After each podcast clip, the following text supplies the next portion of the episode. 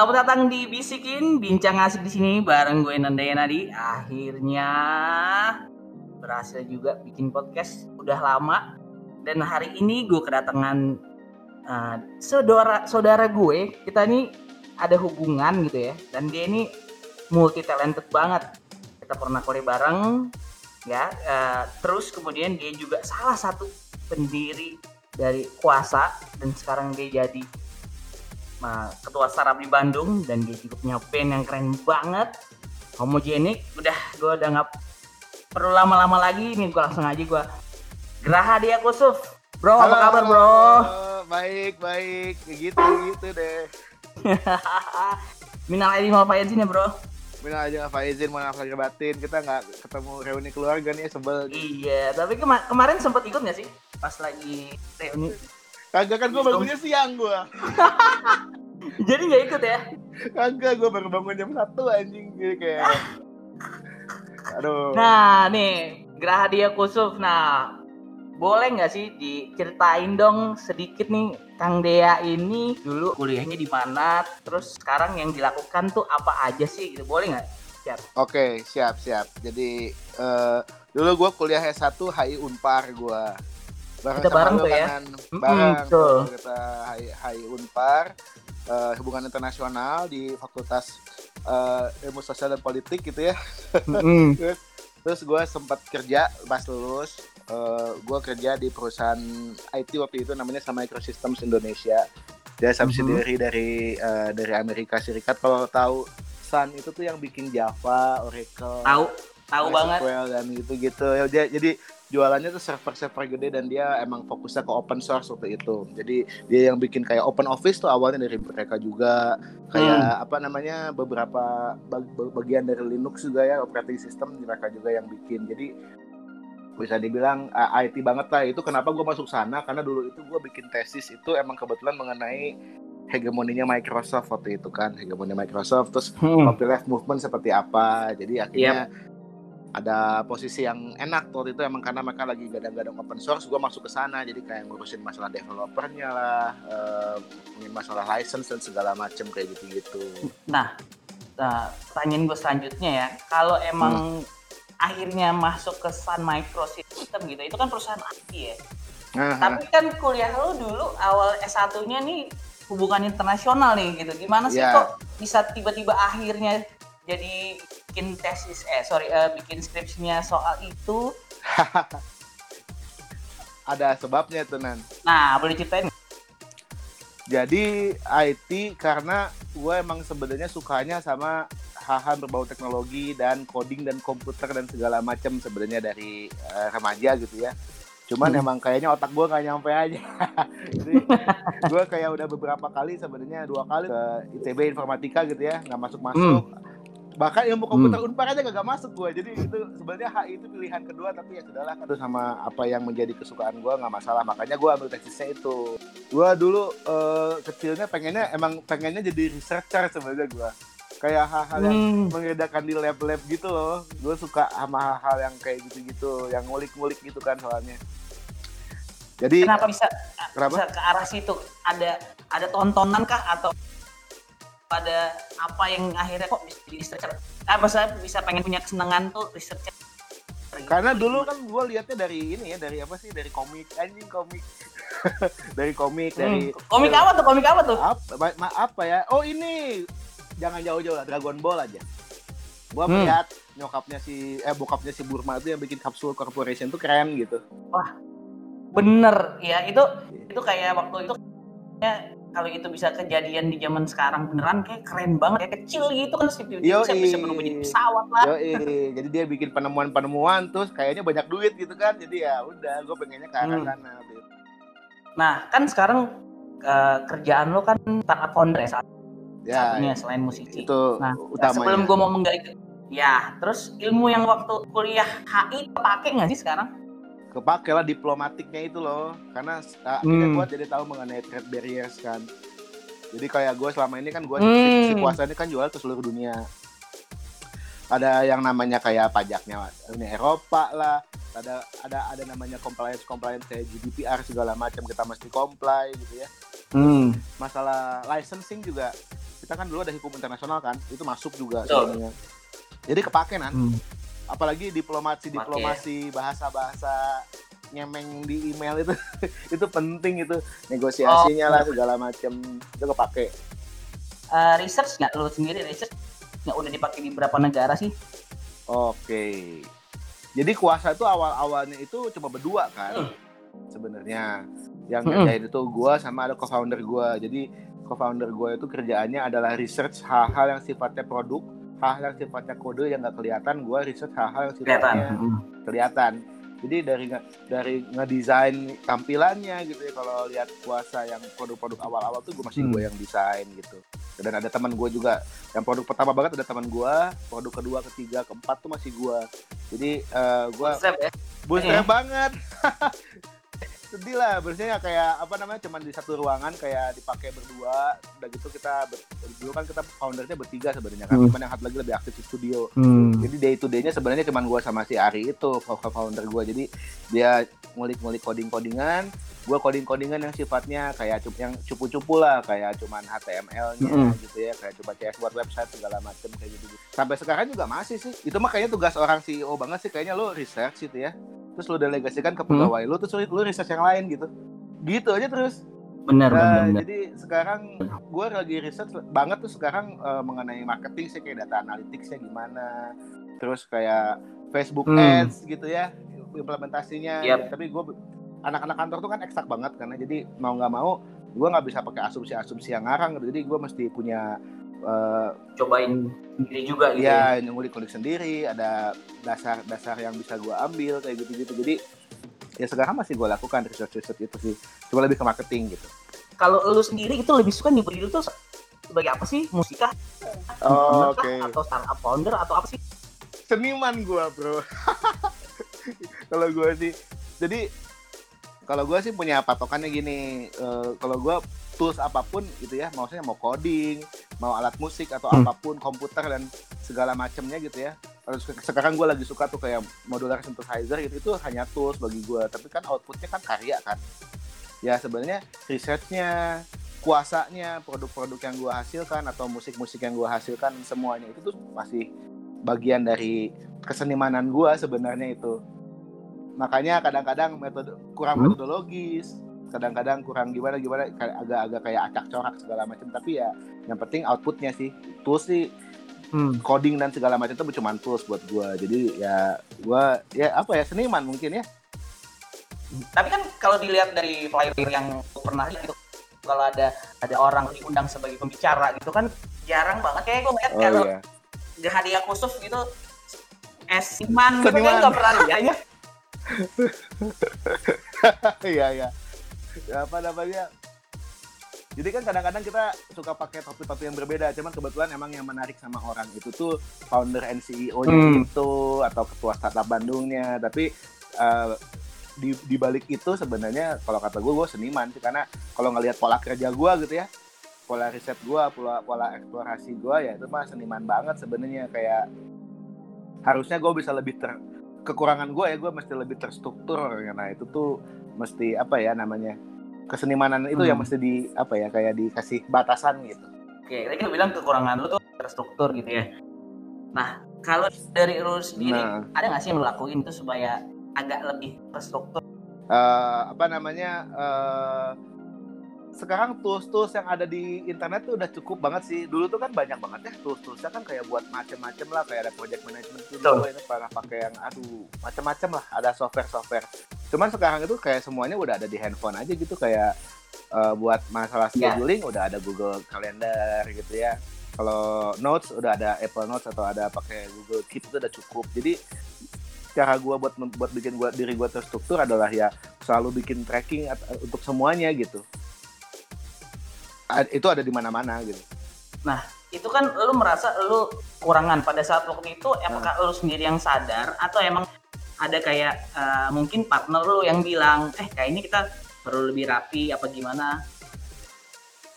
nah untungnya gua tuh punya eh, partner-partner gitu termasuk istri gitu dan termasuk eh, macam-macam gitu ya teman-teman kerja gua teman band gua apa segala macam. Itu tuh orang-orangnya yang kritis sebenarnya. Jadi bisa dibilang gua tumbuh ya karena mereka gitu. Hmm. Mereka banyak kasih gue feedback dan untungnya eh, ya awal-awal biasa lah kalau akan dikritik kan suka kayak menolak-menolak gitu kan tapi ya lama-lama kayak Bener, oh, bener. ternyata ke sini-kesini eh, yang membuat diri gue bertumbuh itu jadi lebih baik, improving apa segala macam masukan dari mereka ya. Jadi gue butuh feedback dari luar tetap. Setuju. Setuju banget gue kalau soal feedback dari luar emang ternyata yang lo rasain pun gue merasa gitu kok kalau ada orang yang komenin atau kasih sebenarnya mungkin itu kritiknya membangun tapi ada rasa di hati tuh ada kayak nyeri hati gitu. Kalau cek orang Sunda mah bener, gitu ya. ada kayak sedikit gitu mungkin nggak nggak banget tapi kayak eh, gitu. Kayak ada ego yang ke Ya, kesentuh sedikit gitu kayaknya. Tapi emang itu kalau di kalau kalau bisa kita saring kita ambil yang baiknya istilahnya APBN yang ambil positif buang negatif. Ya. nah itu yang lagi gue coba lakuin juga. Makanya nah ini kan in podcast juga nih lagi mencoba memaksa diri gue supaya menjadi produktif Wah. Yes, betul betul itu mau nggak mau sih kalau kata gua sih. Cuman emang emang emang gimana penyampaian sih kayak orang-orang kan ada yang enak ada yang enggak gitu ya. Ada yang kena ada yang enggak gitu. benar benar benar Untungnya di sekeliling gua ya kena lah. Jadi kayak ngasih masukan atau ngasih path buat gua improve gitu ya. Kayak di game RPG kan ada apa namanya perks kan yang mesti di ini ini di- gitu. Kayaknya lu punya kekuatan di sini segala macem deh. Nah, jadi jadi jadi kayak talent, tel- te- ada kayak talent tree gitu ya, talent tree kira-kira buat Nah, gue betul. tuh yang mana yang harus gue naikin gitu kan. Betul. Ini kalau kritik yang bagus kayak gitu kan kan. Jadi Betul. dia bisa bisa point out apa kekelebihan lu nggak cuma kekurangan lu doang lu jelek anjing tapi kan kalau kayak gitu kan kalau lu sekedar jelek terus gue mesti gimana gitu kan tapi kalau dia bisa kayak coba lu gini gini gini nah itu tuh itu kalau kata gue kritik membangun seperti itu sih Kayaknya sekarang lebih penting deh dibandingkan lo individual aja lo nggak mungkin Ya. jadi seorang diri yang superman, bisa superman supermannya lo pasti lo butuh orang lain gak sih? Kayaknya sekarang yes collab yes. itu udah paling ya harus yang dilakukan adalah collab. tadi ini mengenai kolaborasi ya Mana menurut lo? Kalau menurut gue itu emang udah absolut sih zaman sekarang mah. Mau nggak mau lu mesti kolaborasi karena kalau tanpa kolaborasi tidak akan besar hasilnya. Ya ya lo asik nih kalau zaman sekarang mah kan udah demokratisasi banget ya teknologi dan segala macam semua orang bisa melakukan. Dan semua orang tuh sekarang nggak cuman jadi viewer tapi mereka pengen involve gitu. Jadi mau nggak mau ya mesti diajak kolaborasi gitu. Jadi kalau lu berharap lu bikin musik bagus gitu ya atau bikin produk bagus tanpa ada ah gue bikin aja yang gue mau ah gue gue bikin aja Hmm. yang gimana gue tuh kayaknya nggak bisa deh gue mesti ada sedikit banyak mengalah gitu ya dari segi Hmm. ego gitu buat supaya orang lain tuh bisa ikutan bisa ngasih feedback terus akhirnya di satu sisi bisa grow yourself juga gitu di satu sisi lain lo dapet uh, marketnya mereka gitu Tapi kan mengalah di sini mengalah untuk menang gak sih kayak Sun Tzu Yoi. itu kan art of war. Yes betul betul jadi apa namanya menggunakan tenaga uh, orang lain Mm-mm. Cie, gitu Bro, by, by the way ya, gini, ada pertanyaan menarik nih. Hmm. Kalau buat seorang Gerhadea gitu ya, biggest Hmm. influence lo gitu ya, selain keluarga, boleh dong dikasih tahu yang lokal sama internasional. Selain keluarga ya. jangan eh banyak influence gue deh apa aja cuman maksudnya eh ya oh gini gua, ini nih salah satu kalau ini internasional Hmm, dulu aja boleh, ya, boleh. gampangnya. gua suka eh, eh, Steve Jobs karena kekerasannya dia gitu ya dia tuh kayak idealismenya dia sih meskipun itu membuat dia tiga kali dipecat gitu dari perusahaannya sendiri meskipun dia eh, sempat jatuh bangun gitu ya berkali-kali terus gue suka juga Bill Gates eh, dengan strategi-strategi apa namanya tuh pinter lah tuh orang Hmm. cunning gitu ya Eh, apa namanya strategi-strateginya tuh agak-agak eh tricky Hmm. gitu ya. Tapi keren gitu hasilnya oke gitu. Terus yang terakhir tuh yang gue suka lagi kalau dari segi penelitian gitu ya gue suka banget Ray Kurzweil. Belum, belum pernah dengar. Ray Kurzweil tuh gue baru tahu. Ray Kurzweil itu kemarin gue kaget karena kemarin sempet, sempet kan heboh-heboh zaman zaman yang AI artificial intelligence segala macem. Eh, si Ray Kurzweil tuh sempat bikin tulisan lagi mengenai singularity gitu lah. Jadi di beberapa tahun lagi itu 2040-an lah ya. Kita bakal mengalami masa di mana eh, AI itu taking control gitu ya. Dia jadi kayak satu kesadaran sendiri yang bisa bekerja sama. Nah itu tuh ternyata Ray Kurzweil yang sama yang bikin alat-alat musik Kurzweil akhirnya gue baca-baca mengenai tuh orang. Terus dia sekarang jadi chief research officer-nya gitu kalau nggak dari Google. Wow. Jadi se- ya dia dia tuh tipikal orang yang dari researcher jadi eh, seorang pengusaha sukses gitu. Jadi gue menemukan banget sih selama ini gitu ya.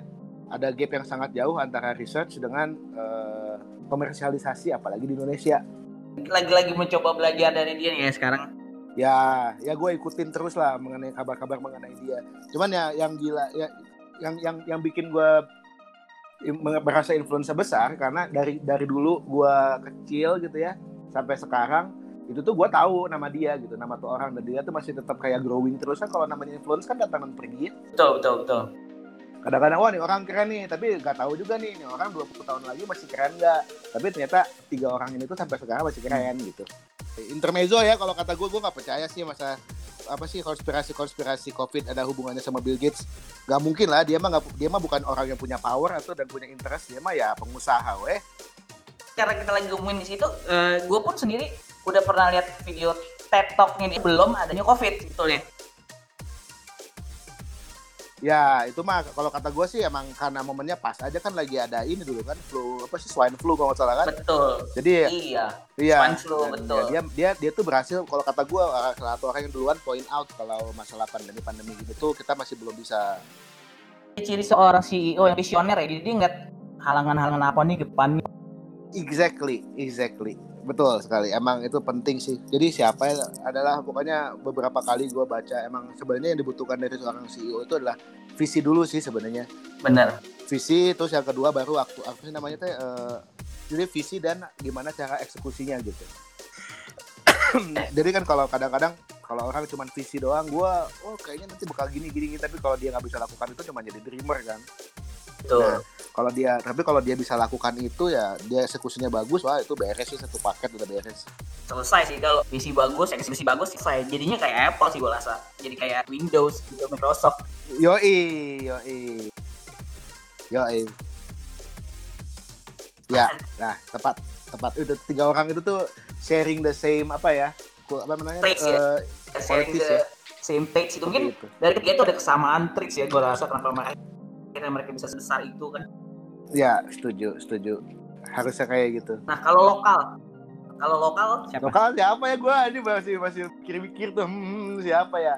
Eh, Masa nggak ada sih? Atau ya nggak kalau kalau emang nggak ada nggak apa-apa juga. Maksudnya mungkin belum ada yang menurut lo kayak ah, kayaknya belum ada yang sampai sesuai standar kan orang kan punya standar beda-beda ya kalau kalau idolize someone gitu ya.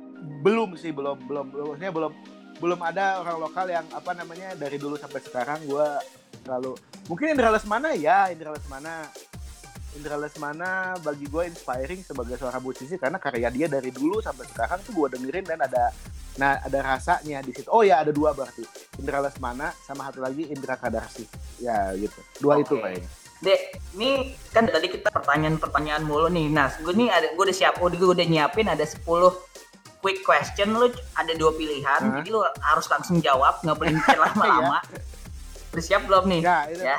Pertanyaan pertanyaan pertanyaan pertanyaan santai kok. Tapi gue pengen lu jawabnya langsung yang di otak lu pertama kali yang menurut lo kayaknya gue ini gitu. Jadi lu harus oke oke Nah, Oke.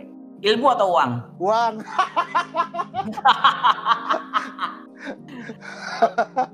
Oke. Disney Plus atau Amazon Prime? Amazon Prime Angelina Jolie apa Gal Gadot? Gak gadot lah, anjir tuh gak ada competition terus terus terus. Oke. Coldplay atau Maroon 5? Eh, Coldplay. Makan bubur diaduk apa dipisah? Diaduk lah, definitely. Oke, sama berarti. nah, nih yang berikutnya nih akan menarik nih. Jeff Bezos apa Elon Musk? Elon Musk, eh Elon Musk ya? Nggak apa-apa.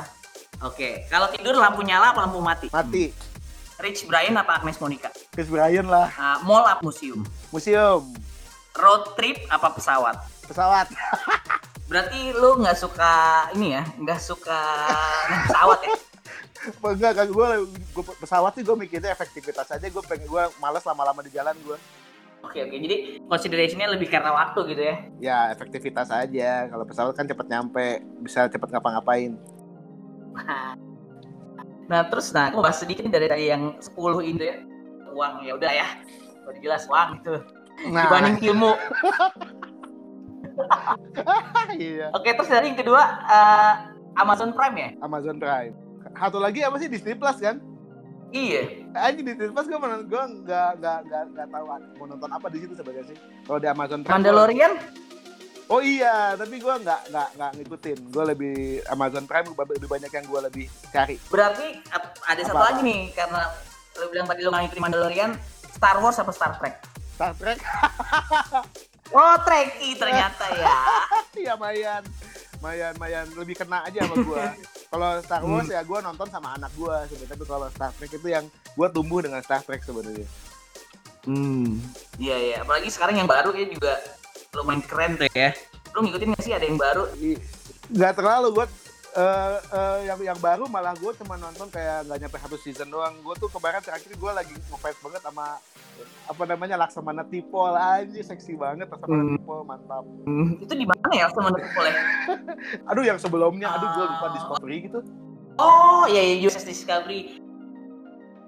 Ngomong-ngomong ya, eh, kalau lu tuh hobinya ngapain sih kalau lagi kan lu waktunya sibuk di sela-sela manggung jadi pembicara, terus kemudian di Hmm. kantor juga. Nah kalau kalau lu kalau waktu senggang tuh biasanya ngapain sih? nah eh, senggang gue itu baca komik Oke. baca manga gitu Hmm. baca manga eh, Netflix sebelum tidur Hmm. atau baca manga jadi di antara itu sama main musik gua jadi bagi gua tuh musik tuh adalah rilis ya itu tuh adalah kalau gua lagi manggung misalnya kan kita pernah manggung pernah ketemu di WTF juga kan Iya ya. ya itu tuh Udah nggak usah di- nggak usah Mau- diperpanjang mau- ya ketemunya. Tapi intinya kayak kayak beberapa kali kita apa namanya kita uh, manggung itu tuh adalah liburan buat gua adalah apa namanya kayak uh, keluar kota udah gitu manggung udah gitu nge DJ itu tuh kayak it- apa namanya ya rilis buat gua gitu lagi di rumah gua bikin musik gua bikin mixtape itu tuh uh, hobi buat gua gitu karena uh, apa namanya kerasa gitu ya kalau gue lagi main game terus ada musik ya lupa gue sama game kayak sekarang ini gue pas banyak work from home baru main game lagi gue padahal sebenarnya gue suka banget main game tapi kalah sama musik bro Lagi main lagi main, main game apa sih? Diablo dia balik lagi ke Diablo Diablo yang mana? Tiga yang di Diablo PS, 3 yang di PS gue baru punya PS sekarang PS4. PS4 4K. Pro akhirnya setelah bertahun-tahun 4K. kan For- Kan uh, Pro kan 4K. kan? TV TV gue nggak 4K tapi Seorang nggak HD ya TV-nya nggak full. Masa sih? kagak. Kagak saya kita nggak pernah nonton TV soalnya di rumah. Jarang banget nonton TV jadi kita nonton TV itu buat Netflix atau buat PS tapi nonton Ken- TV kenapa gitu dinyalain jarang pakai sih. 4K ya? Maksudnya seorang kan lu yang techy banget yang suka sama teknologi terus punya istilahnya PS lu tuh PS Pro gitu yang memang di- Eh, yang harusnya maksimalnya tuh harus 4K gitu. Tapi lu memilih Eh. untuk nggak pakai 4K boleh tahu nggak kenapa karena ada super sampling mode itu kan. Jadinya meskipun kita nggak nggak pakai 4K tapi dia frame frame per secondnya lebih lebih tinggi kan. Jadi 60 fps Nah, jadi kalau gua sih nggak masalah. Gua bagi gua resolusi bukan segalanya tapi justru malah fluidity-nya gameplay cepat gitu apa segala macam gerakannya lebih fluid tuh bagi gua lebih oke sih daripada eh, apa namanya resolusi yang besar gitu. Hmm, jadi lu itu agak kaget sih kalau pun Diablo kayak wow Diablo gitu. Kayak jarang agak jarang gitu denger. Tadi kirain mainnya RPG atau mungkin perang gitu. Hmm, nggak tahu eh gue tuh kan waktu ada PS gue beli macam-macam kan tapi yang nempel sampai sekarang Diablo sialannya apa sih eh Dek satu yang nempel Diablo di gue siapa? Orangnya lu, lu- ini teman lu juga soalnya. Set si satu ya iya. Itu mah setan emang emang setan. Wah lu mesti undang dia sih nan. Podcastnya di dia edan dia. Ya jadi kan tadi lu ngomong cerita nih lu main Diablo 3 gitu ya. Tapi lu Diablo 2 nggak main gitu. Sayang banget loh Diablo Nah. 2 tuh keren loh Diablo 2 menurut Edan ya? gua. Icon icon pada zamannya menurut gua iya iya iya. Itu yang yang katanya emang eh, Diablo 2 yang bikin Blizzard jadi naik banget sebenarnya. bener. Cuman emang waktu itu gue lagi lagi nggak ini aja lagi nggak lagi nggak di kepalanya gue lagi nggak di sana. Hmm. lagi sibuk yang lain kayak tahun berapa sih itu dua? Diablo 2 2001-an kayaknya di 2001 soalnya yang gue inget tuh lagi gila-gilanya main Counter Strike. Anjing ya, ya itu kan. Pasti gue gue mah lagi main Counter Strike banget. Gue makanya gue nggak main Diablo 2 karena gue merasa Diablo 1 gue udah tamat Diablo 2 gue nggak usah main lah gitu Oke, nah sekarang gue mau mau geser dikit nih ya ke pertanyaan yang agak lebih serius. Suka duka dari pekerjaan lo apa sih? Oke. Suka duka nih ya, apa namanya kalau suka kalau suka tentunya itu tuh ma- itu tuh adalah mimpi gua dari kecil sebenarnya. Jadi waktu dari SMP tuh emang gua udah pengen kerja di perusahaan software musik gitu karena gua pertama kali discover di sana. Eh, terus perusahaannya internasional gitu gua pengennya kerja di Jerman kayak gitu Hmm. perusahaan alat musik apa gitu. Eh, dan gua pengen juga waktu itu jadi seorang DJ yang manggung di depan banyak orang gitu. Kebayangnya tuh seperti Kejadian itu semua gitu. tuh ya. ya kejadian akhirnya alhamdulillah. Tapi yoi yoi. Tapi sebenarnya nan ya eh, kalau secara dukanya apa enaknya gini sih. Gue tuh kadang-kadang suka yang kalau lagi capek sama kerjaan tuh kayak yang anjir enak banget tuh zaman zaman gue kerja gitu. Kalau zaman zaman gue kerja tuh dikasih kerjaan apa sama bos kerjain terus udahnya bisa main game gitu kalau sekarang tuh kayak lu 24 jam tuh Betul. tujuh hari tuh mesti siap gitu kadang-kadang jadi burn out juga Hmm, iya kebayang, gitu, kebayang. kayak, aduh anjing capek gini terus kok duit duit gua segitu segitu aja gitu ya gue suka sirik lihat teman-teman gue yang kerja di Telkomsel kayak atau Hmm. Telkom kok kayaknya Hmm. duitnya gampang banget kayak gitu gitu maksudnya kerja di perusahaan lain gitu ya itu tuh kayaknya lebih lebih secure secara finansial secure secara kerjaan ke- waktu apa namanya waktu kerja juga eh, Iya, iya. Ada ada jam kerja gitu ya. kalau sekarang mah iya gitu kan setelah jam kerja Hmm. ya lu bisa ngapain aja gitu kan cuma kalau cuman ya itulah bedanya mungkin eh, kalau kerja itu lu kerja tapi nanti lu cari fulfill apa fulfillment Hmm. yang lain di yang lain gitu ya setelah jam kerja kalau sekarang ya gue semuanya fulfill Hmm. tapi ya itu itu ada costnya dan kadang-kadang gue suka mikir kayak ini kayaknya menikmati hasilnya anak gue deh kalau jadi jadi seorang founder itu kayaknya nggak sebegitunya gitu kan karena kalau kita lihat perusahaan-perusahaan di mana-mana juga di Indonesia gitu ya atau di luar negeri itu biasanya second generation yang oke gitu kan kecuali kalau perusahaan teknologi sih makanya gue main di teknologi gitu kalau kayak Bill Gates atau Steve Jobs itu mah satu generasi doang udah tajir Betul. Betul. gitu lah Jeff Bezos gitu kan ya otomatis tuh Ah, ngomongin kerjaan ya. Kalau menurut lo nih, Dek, yang yang paling penting Hmm. dipunyain seseorang nih dalam bidang lo, dalam bidang teknologi gitu ya. Apa sih punctuality, skill, attitude Ya. atau apa sih? Nah, kalau gue sih curiganya sebenarnya kalau selama ini ya pegawai-pegawai gue tuh pinter-pinter sih macam-macam backgroundnya. Jangan lihat dari pegawai gue ada secara universal ya. Itu sebenarnya attitude dulu sih sebenarnya. sih. Attitude tuh macam-macam ya. Apakah dia bisa bekerja eh, bisa ngulik gitu ya, misalnya dia menemukan masalah di pekerjaannya, terus tapi dia bisa ngulik gimana caranya supaya bisa membenahi itu, atau dia menemukan hal baru gitu ya yang harus diulik dan diulik lagi gitu ya dan itu sebenarnya kalau kata gue bagian dari attitude sih dia menerima kritik menerima saran dan mau improving himself gitu ya itu teh quality yang Hmm. absolut kalau kata gue sih zaman sekarang. Aja kadang-kadang eh, orang-orang itu kalau gua yang gue lihat gitu ya di sekeliling gue yang tidak bertumbuh atau yang mentok-mentok itu tuh biasanya dia eh, karena tidak menerima kritik terlalu ada ada juga orang-orang idealis tapi kan kalau idealisme tapi lo bisa bisa mengarahkannya dengan baik itu akan jadinya bagus kan. Lo bisa punya kesempatan untuk mengubah dunia gitu kan. Kalau seandainya lo lo, lo apa namanya em, bisa eh, mengerjakan sesuatu dengan cara lo Hmm. tapi lo iterasi gitu ya diperbaiki terus menerus. Tapi kalau seandainya nggak ada yang namanya kritik itu gitu ya seandainya orang itu nggak mau grow nggak mau mencoba hal yang lain mencoba hal yang lebih eksploratif misalnya gitu ya itu tuh susah sih kalau kata gua buat dia growing. Oh ya zaman sekarang kan udah zamannya disebutnya VUCA F V U C A apa namanya vulnerable uncertain terus apa C nya sama A, A, A nya tuh apalah gua lupa cuman ya Hmm, nggak jelas gitu Nah. zaman sekarang itu betul. cepat berubah Oh, bukan V-nya tuh bukan V-nya tuh bukan vulnerable, volatile. Volatile, Volatile, iya berubah, bisa bisa kan? naik bisa turun ya. Gampang gampang Iya, sekali kan? berubah. Iya kan, jadi ya mesti jadi orang-orang yang bisa eh, ngulik dan adaptif Hmm. dan menerima kritik ya hal-hal kayak gitu lah. Nah, ngomong-ngomong tadi mengubah dunia, kemudian sekarang lagi kan sekarang lagi lagi pandemik nih ya, lagi ada Hmm. covid gitu ya. Nah, terus kira-kira eh, menurut lo nih, kira-kira future pekerjaan lu ini nan- nantinya akan jadi kayak gimana sih? Berpengaruh nggak sih? ke pekerjaan gua Mm-mm. Nah, kebetulan kalau puasa sendiri sih malah jadi bagus ya. Karena orang-orang Hmm. butuh hiburan dan butuh sarana penyaluran kan.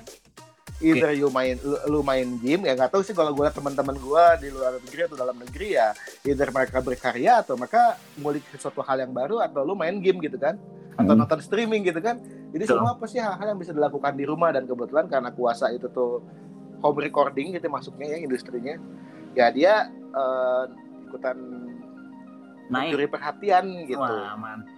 Berarti kalau kalau boleh di kalau gue boleh tanya lagi kalau dibandingin uh, bulan-bulan biasanya kalau normal normal sebelum adanya covid itu sama sekarang tuh bisa dua kali lipat atau tiga kali lipat kan? Hmm, gue nggak tahu kalau berapa kali lipatnya. Cuman yang pasti April.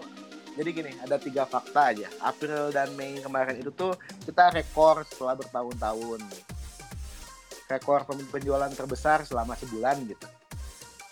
Tapi wajah, alhamdulillah. Tapi ya Alhamdulillah. sebenarnya puasa juga eh, dari 2019, 2017, 2018, tiga tahun lah, tiga tahun ke belakangnya itu tuh emang lagi turun kita tuh kayak lagi yang aduh ini gimana ya dulu tuh kayakan waktu 2016an gitu kita tuh kayak ongkang-ongkang kaki banget Oh, sempat ada masa ongkang-ongkang kaki terus tempat, kemudian 2015 2016 turun lagi sedikit, sekarang mulai naik lagi gitu ya. sekarang naik lagi ya kemarin-kemarin tuh kita turun wa- waktu tahun 2019 tuh kita tuh turun 11 persen tuh nggak sedih banget kalau Ya ampun. Iya. By the way, kenapa ongkang-ongkang kaki ya waktu itu? karena kita ngirimis produk apa pun juga laku gitu karena nggak bisa dibajak Oh. apa jadi gini 2017 itu tuh kita ada ada jadi ada salah satu cash cow-nya kita gitu ya penjualan kita terbesar di satu platform lah platform itu nggak bisa dibajak tapi akhirnya jadi bisa dibajak gitu aja Jadi akhirnya turun lagi gitu turun dari lagi kaki. mesti diperjuangkan perjuangkan lagi gitu lah. Tapi untungnya kita dibikin tidak nyaman waktu itu 2017 sampai 2019 jadinya kita dibikin nggak nyaman dibikin kreatif lah gitu ya. Sampai 2020 ini kita menuai hasilnya karena kita eh, trying hard gitu buat dapat sales. Kalau dulu Hmm. mah kan ongkang-ongkang kaki sekarang mah kita kayak udah tahu gitu oh kalau penjual gitu kan diapain nih? Kayak gitu-gitu. Hmm, Itu jadi patternnya udah udah udah mulai kebaca lah ya. ya betul ya itulah apa namanya itu enak gak enaknya ya jadi pengusaha tuh ya kan kayak gitu ya sebenarnya Hmm, iyalah kalau pengusaha kan harus mikirin kita gaji karyawan Iya, gimana. THR mampus kali. Waduh, itu THR mantep sih. Oh, Kayak tiba-tiba di tengah bulan mantap. deh kita kurang 100 juta. Iya, Iya gitu dan, mantep itu. dan kita nggak ada Paham, nggak ada, paham nggak ada banget. investor kan. Dan kita nggak pernah kayak bikin ke bank apa segala macam gitu-gitu. Jadi ya itu tuh hal-hal yang emang mesti diperjuangin terus gitu. Terus ngomong-ngomong tadi kita ke- eh, udah ngomong serius kan ya soal kerjaan. Nah, tadi karena kita nyerempet sedikit ke COVID. Kalau lu nanti ya, kalau misalnya ini akhirnya semuanya udah selesai gitu ya PSBB udah nggak ada, kemudian lo udah bisa ke mana-mana lagi, mungkin Ah. vaksinnya juga udah ketemu. Hal apa sih yang pertama kali yang lo lakukan? Liburan coy. Eh, liburan dan manggung. Gue gue gue dua sih pengen satu liburan sama keluarga, satu lagi gue pengen manggung di luar kota sama keluarga. sama Hmm, luar ngomong-ngomong manggung luar kota kan di Indonesia nih atau di luar negeri? dua-duanya luar negeri lebih bagus, lebih mantap. Hmm, kan kan kemarin sempet tur pang tuh ya sama Jenny kan. ya, itu Jepang aja seru, seru banget itu. Mantap. Pasti kelihatan gue suka lihat pos-posnya juga. Jeput sih dan itu itu gila banget sih itu kayak kata gue ini aneh banget sih kayak di belahan dunia mana ada orang-orang yang nyanyi lagu lo gitu dan request dan apa segala macam itu aneh sih. Tapi itu eh, experience yang luar biasa nggak sih harusnya buat lo? Wah, luar biasa banget man. Itu kan gue tuh udah ke Jepang udah beberapa kali kan.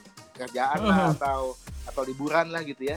Tapi baru Mhm. gue tuh selalu kayak memim- memimpikan untuk manggung di situ karena gue tuh sebenarnya gue anaknya di Jepangan banget gue. Yes, dari dulu sih gue perhatiin kan lo doain baca manga. Yoi yoi gitu gitu. Terus juga yang bintang-bintang Jepang-Jepang cewek-cewek yang cantik-cantik itu. gitu kan.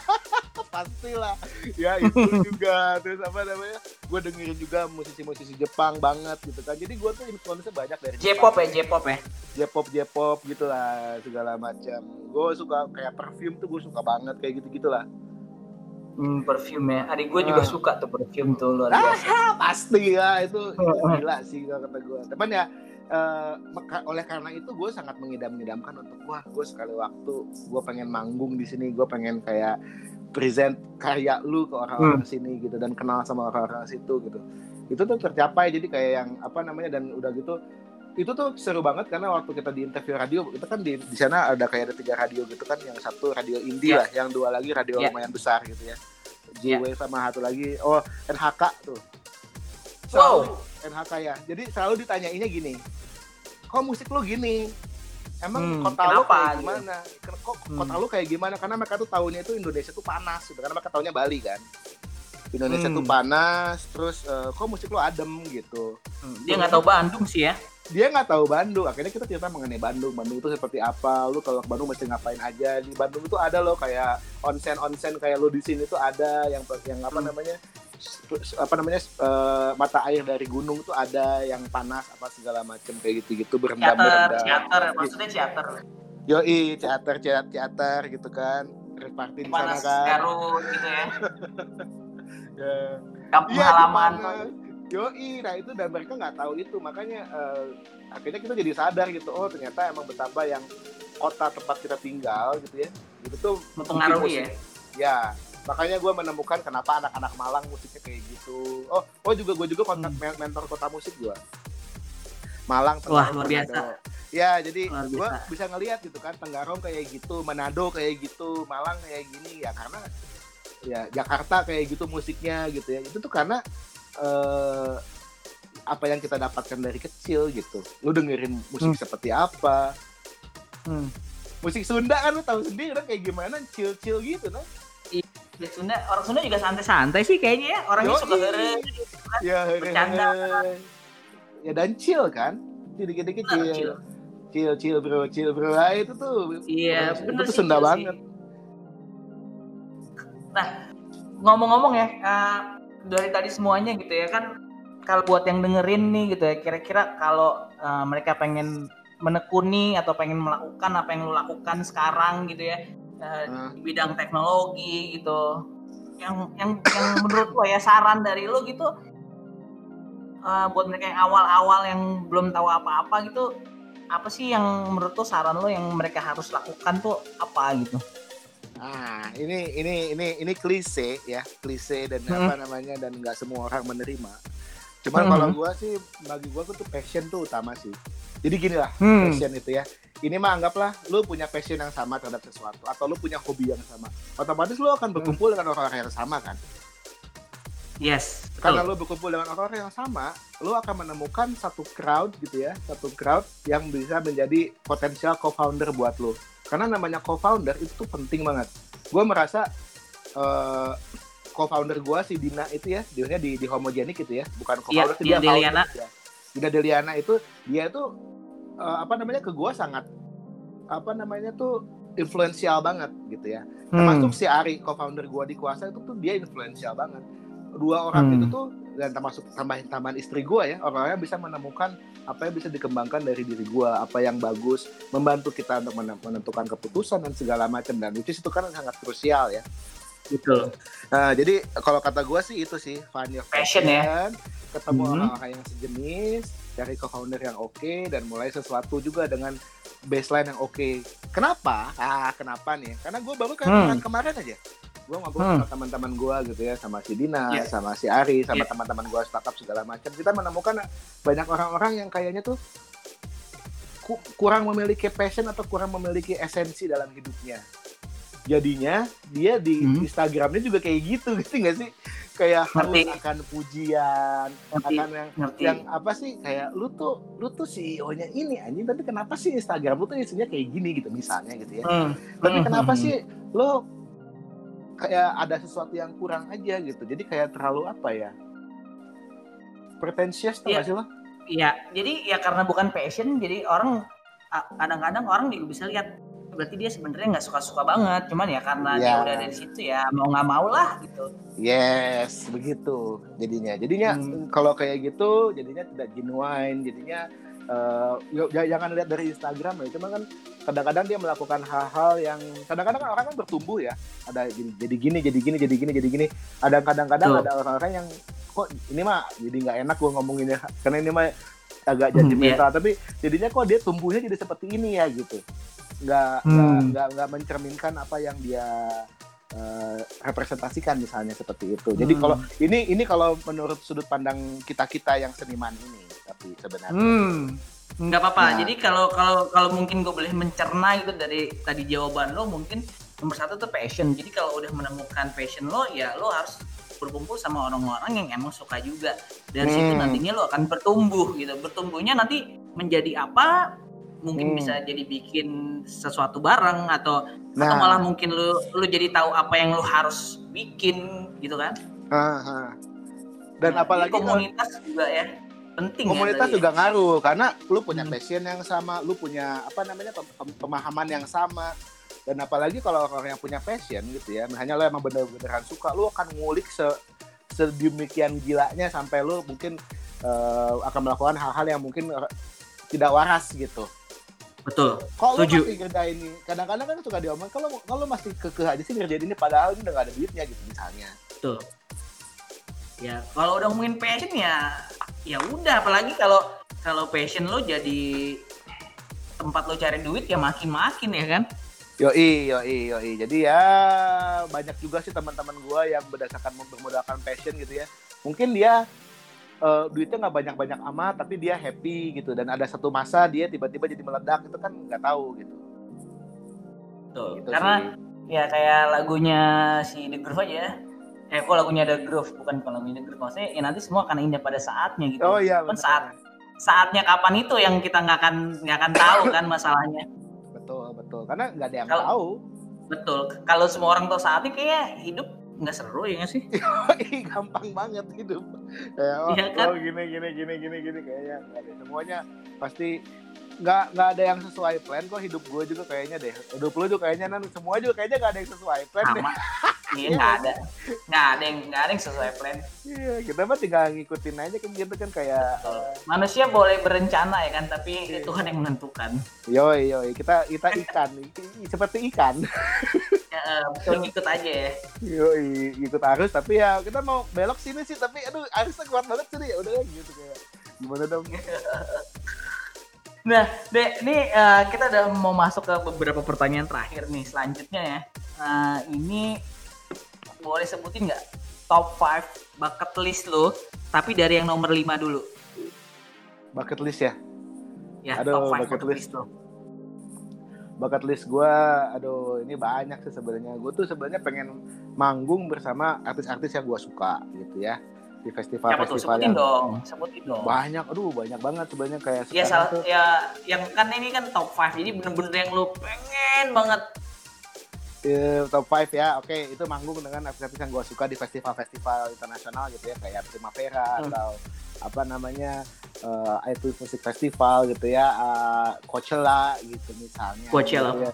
Atau Burning Man Festival gitu kan itu wow luar biasa ya hal kayak gitulah atau BT Out dan segala macam uh, Musitek Jepang. Aduh, itu itu itu itu mah oke okay, itu festival ya pertama ya, festival hmm. artis-artis yang gue suka siapa aja. Uh, eh, gue lagi suka Charlie XCX sama geng-geng Inggris itulah Eji hmm, PC okay. musik dan segala macam. Terus gue juga lagi suka yep. anak-anak Glasgow tuh yang geng-gengnya Hudson Mohawk, Krusty dan segala macam. Itu ya itu. Gua itu nomor lima ya berarti ya. Top kalau top 5 bucket list nomor lima. Nomor empat nomor empat itu adalah gue pengen uh, apa lagi ya kuasa kuasa sih kuasa gue pengen hmm? kuasa hmm? bisa digunakan oleh mereka juga oleh orang-orang yang gue hmm. suka ha, jadi emang apa namanya uh, uh, makin besar gitu lah makin besar hmm. dengan masuk media-media keren bisa pameran di tempat-tempat yang keren-keren juga yang lebih yang lebih edan-edan lagi gitu Amin, amin. Didoain, didoain. Nah, itu Siapa begitu. Nah. Nomor tiga nih, nomor tiga. Nomor tiga itu misalnya, uh, aduh, apalagi ya nih. Ini gue nggak pernah sampai sebegitunya. Oh, gue uh, secara personal ya, gue pengen masuk, hmm. masuk, masuk ke apa namanya media-media besar sebenarnya seperti pengen masuk listnya apalah meskipun ya banyak orang yang bilang sih kayak lu nggak apa namanya belum tentu valid ya kayak Forbes 40 under 40 Mm-mm. atau apa segala Yes. atau 30 under 30 Mm. gitu ya itu belum tentu valid Mm. tapi in, in somehow gue tuh pengen pengen juga sih masuk ke circle itu gitu Ya pastilah ya kan. nah pasti Eh, lah orang butuh ada kayak justifikasi emang yang melakukan ini ya emang ada ya on the right sesuatu way lah gitu. Iya. yoi yoi yoi Tapi Oh, itu- kalau menurut gua, kenapa apa gimana? kenapa Kalau kalau menurut gua kalau 40 under 40 kan masih ada ada dua tahun lagi, masih mungkin. Iya itu, tapi udah udah kayaknya udah udah time running out nggak sih kayak udah yang ini udah dua nggak ada yang tahu, nggak ada yang tahu. Dua tahun Oh, tuh waktu yang panjang loh. Yo yo yo, tapi ya begitulah dengan terlepas dengan segala segala macam covid covidan gitu ya.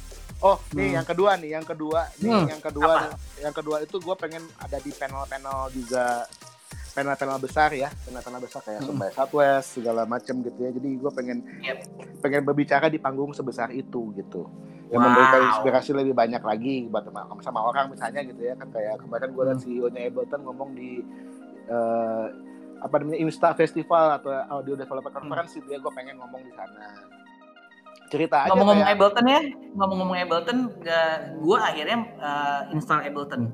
Lagi ah, mau, gua lagi lagi mau belajar Ableton.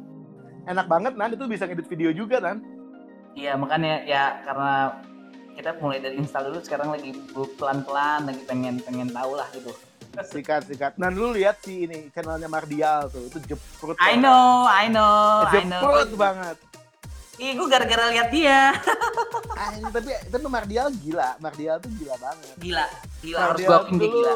temen temen dia tuh dulu teman gue di komunitas juga di apa namanya Hmm. Ableton Indonesia kan Ableton User Group Indonesia nah jadi kita pernah satu kompilasi pernah beberapa kali kompilasi bareng pernah pokoknya Hmm. si Mardial tuh dari dulu tuh sampai gini ya dulu salah satu anak-anaknya dek ini si Mardial nih bantuin nih dek gitu soalnya dia oke banget orangnya dia itu salah satu orang yang rajin ngejawabin Hmm. sharing banget. Jadi lu lihat alter ego dia di mana namanya di sosial media tuh bohong anjir dia tuh aslinya tuh orangnya pemalu dan sangat humble dan sangat helpful. Wow, Asli itu. Orangnya tuh beda beda banget ya berarti ya. ah, ber- berakhlak bro orangnya bro. Maksudnya berakhlaknya berperilakunya sangat baik gitu. Tapi kalau bikin video atau bikin ini kok kayaknya Yo, tapi luar itu biasa betul. sih. Salut sih gue, salut sih gue. Sindiran-sindiran dia tuh kena banget. Iya, betul. Bener, bener, bener, bener banget. Bener. Kepikiran gue kadang-kadang kepikiran aja Ya. bikin. Tapi bener gitu. Mantap mantap sebenarnya dia. Ya nah, begitulah. nom- nomor satu, nomor satu sekarang top. Masuk standar masuk surga. masuk surga kumpul sama keluarga gitulah. Amin. Ya maksudnya ketemu dengan orang-orang yang sudah mendahului kita gitu ya. Hmm, Gitu aja Oke. sih. Berarti itu Nah, udah, nih- udah jelas ya, jelas ya. jelas, jelas. nah, tapi ternyata ya, padahal tadi wak- waktu gue tanyain yang 10 pertanyaan cepat itu lu jawabnya uang. Tapi kalau gue perhatiin dari top 5 bucket list tuh semuanya bukan uang loh. Nggak ada yang Oh ya nyer- ya. nyerempet sedikit mungkin yang yang kuasanya jadi dikenal banyak orang tapi ternyata nomor satunya adalah yang paling esensial ya dari semuanya pada saat covid ini gue juga menemukan yang paling esensial emang ya keluarga lah udah nggak ada lagi Hmm. Iya kan, lu kebayang nggak teman-teman kita yang belum nikahan? What? betul Atau yang maksudnya bukan bukan bukan belum nikah sih, yang sendirian gitu. Mm-mm. lagi kayak gini gitu ya Kayak gini gitu kan. Gue kan banyak teman-teman gue yang yang maksudnya namanya yang yang belum nikah juga gitu ya. Mm-mm. yang ya, ya gue ngelihat aja betapa mereka tuh kayak yang aduh gitu aduh aduh sedangkan kalau ini tuh kayak covid itu gue jadi kayak momen buat kayak sholat sholat berjamaah terus sama Betul. iya kan tahu ya terus Betul. sama anak-anak gue itu kan Betul. kayak jarang banget gue jadi Betul. spend waktu dengan mereka selama itu gitu ya bener ya bener banget begitulah tapi di antara itu dia jadi nyam- menyambung sama pertanyaan lo tadi kok nggak ada yang nyambung sama uang kalau gue mah percaya sih kalau itu semua udah tercapai berarti secara uang juga lo udah akan ngikutin gitu kan gue mah bukan ngikut lah ya Hmm. ya gua gua gua sadar kalau uang uang itu penting gitu ya penting banget lah itu mah kayak 99% Mhm. masalah kali.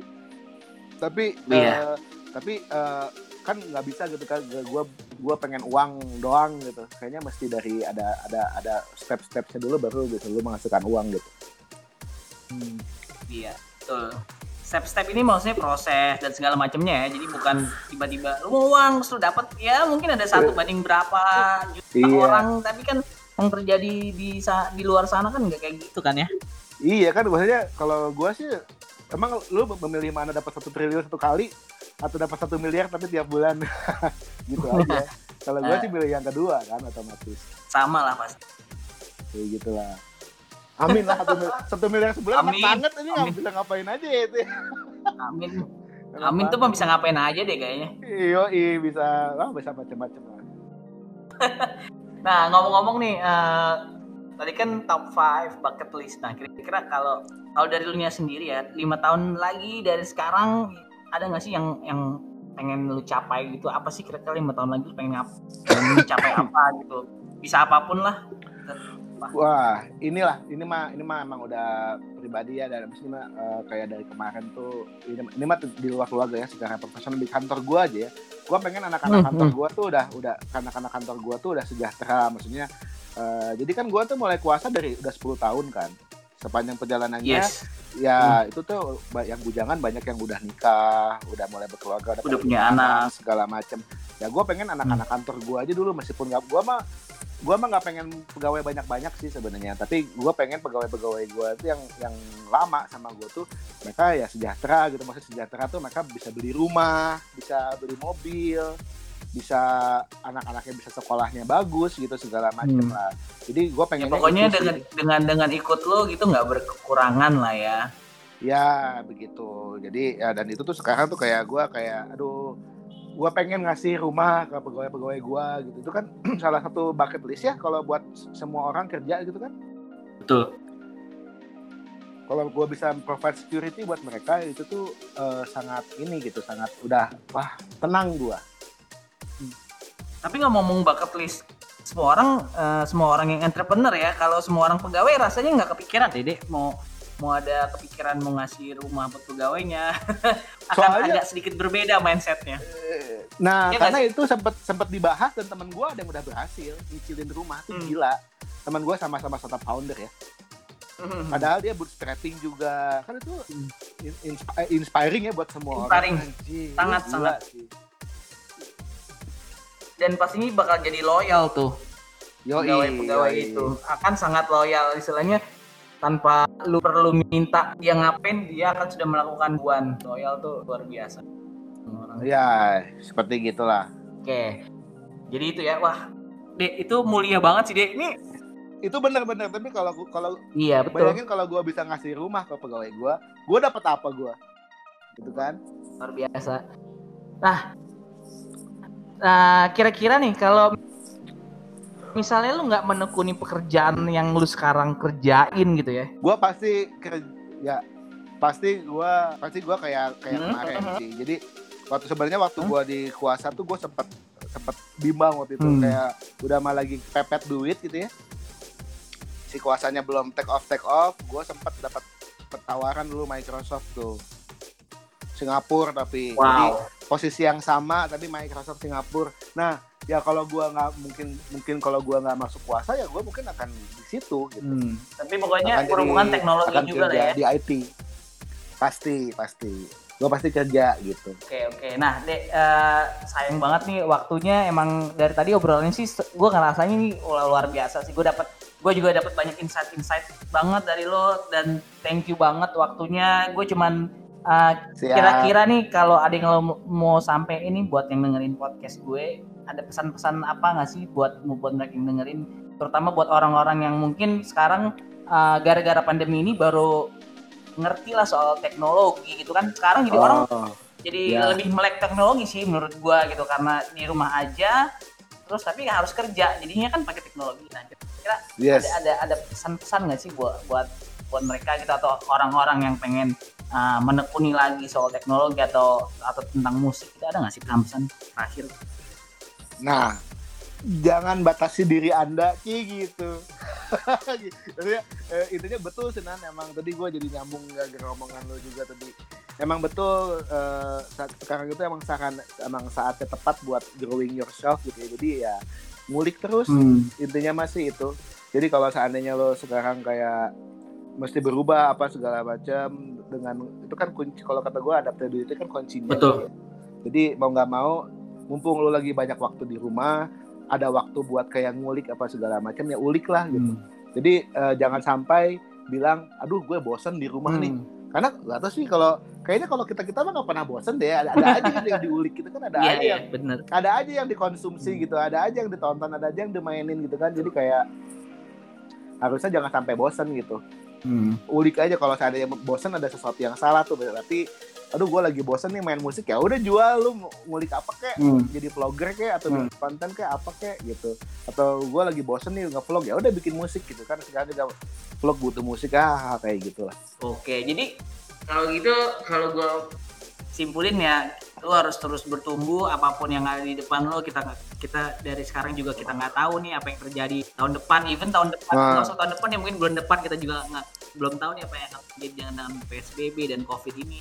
Ya dari daripada Ya, kita ya. memikirkan hal-hal yang nggak kita bisa kendalikan gitu kan ya, mendingan yang paling Nah. kita bisa kendalikan siapa gitu ya kita sendiri gitu kan nggak nggak usah mikirin tuh hal-hal itu ya kita pikirin kitanya aja kira-kira mau nambah ilmu apa gitu Betul. lah ya tuh persenjatai diri anda nah cakep. Dek thank you banget. Waktunya senang senang banget bisa ngobrol-ngobrol sama lo di podcast gua dibisikin ini eh, episode pertama. Nanti tunggu tanggal mainnya lu pasti gua kabarin. Oke deh eh, thank you banget. Siap. Udah sampai ketemu lagi ya. Salam buat keluarga semua bokap Sama-sama. semuanya. Thank you nan. Sama bokap nyokap adik-adik Mm-mm. juga ya semua. Ya. Salam. nuhun nuhun. Hanupis hanupis. Sami sami sami sami